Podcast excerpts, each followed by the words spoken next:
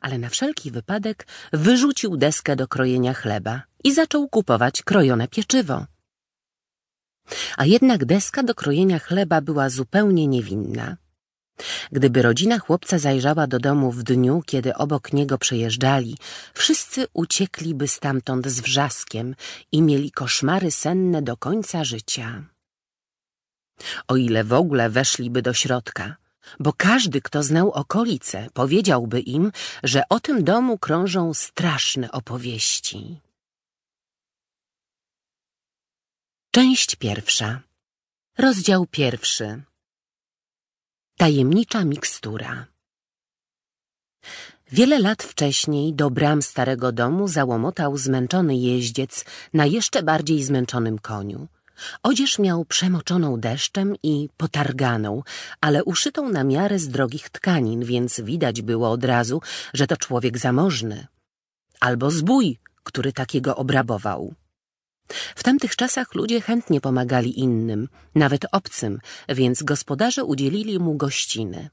Pożyczyli mu suche ubranie, poczęstowali ciepłą strawą i pozwolili się wyspać. Ale przybysz zerwał się jeszcze przed świtem, chcąc wyruszyć w dalszą drogę. Jednak zanim zdążył wyjechać, do bram zapukali żołnierze. To niebezpieczny bandyta, powiedzieli. Najbardziej poszukiwany człowiek w całym kraju. Właściciele przestraszyli się i pozwolili żołnierzom schwytać obcego, co wcale nie było takie proste. Tajemniczy człowiek w czarnym płaszczu biegał nadzwyczaj szybko, nie zawahał się nawet wyskoczyć z okna na piętrze. Niestety, na dole, pod samym oknem, czekał dowódca żołnierzy, który od razu go pojmał i zabrał do więzienia, gdzie człowiek ów spędził resztę życia. Tam usiłowano zmusić go, aby zdradził pewną tajemnicę, ale on milczał. Próbowano więc odnaleźć jego wspólników, lecz wyglądało na to, że nigdy ich nie miał. Ludzie, u których go pojmano, nie wiedzieli nawet, jak się nazywa.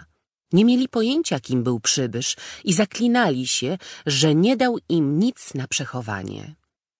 Pytano jednak niewłaściwe osoby i dlatego nikt nie dowiedział się, że było zupełnie inaczej.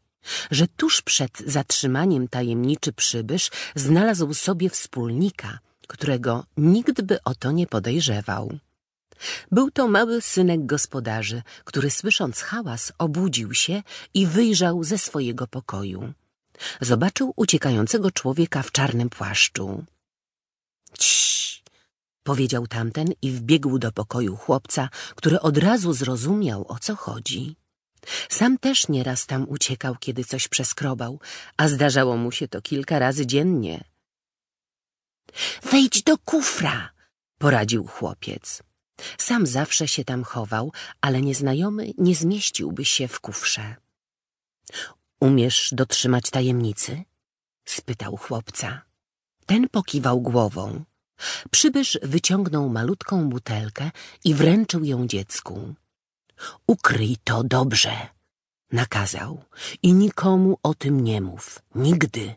I pamiętaj, nie pij tego, to trucizna. Działa na robaki? Zainteresował się chłopiec. Nie otwieraj tego, powiedział stanowczo nieznajomy. Ta mikstura jeszcze nie jest dokończona, Obiecujesz, że nie otworzysz? Wtedy jednak do pokoju wpadli żołnierze i przybysz musiał wyskoczyć przez okno.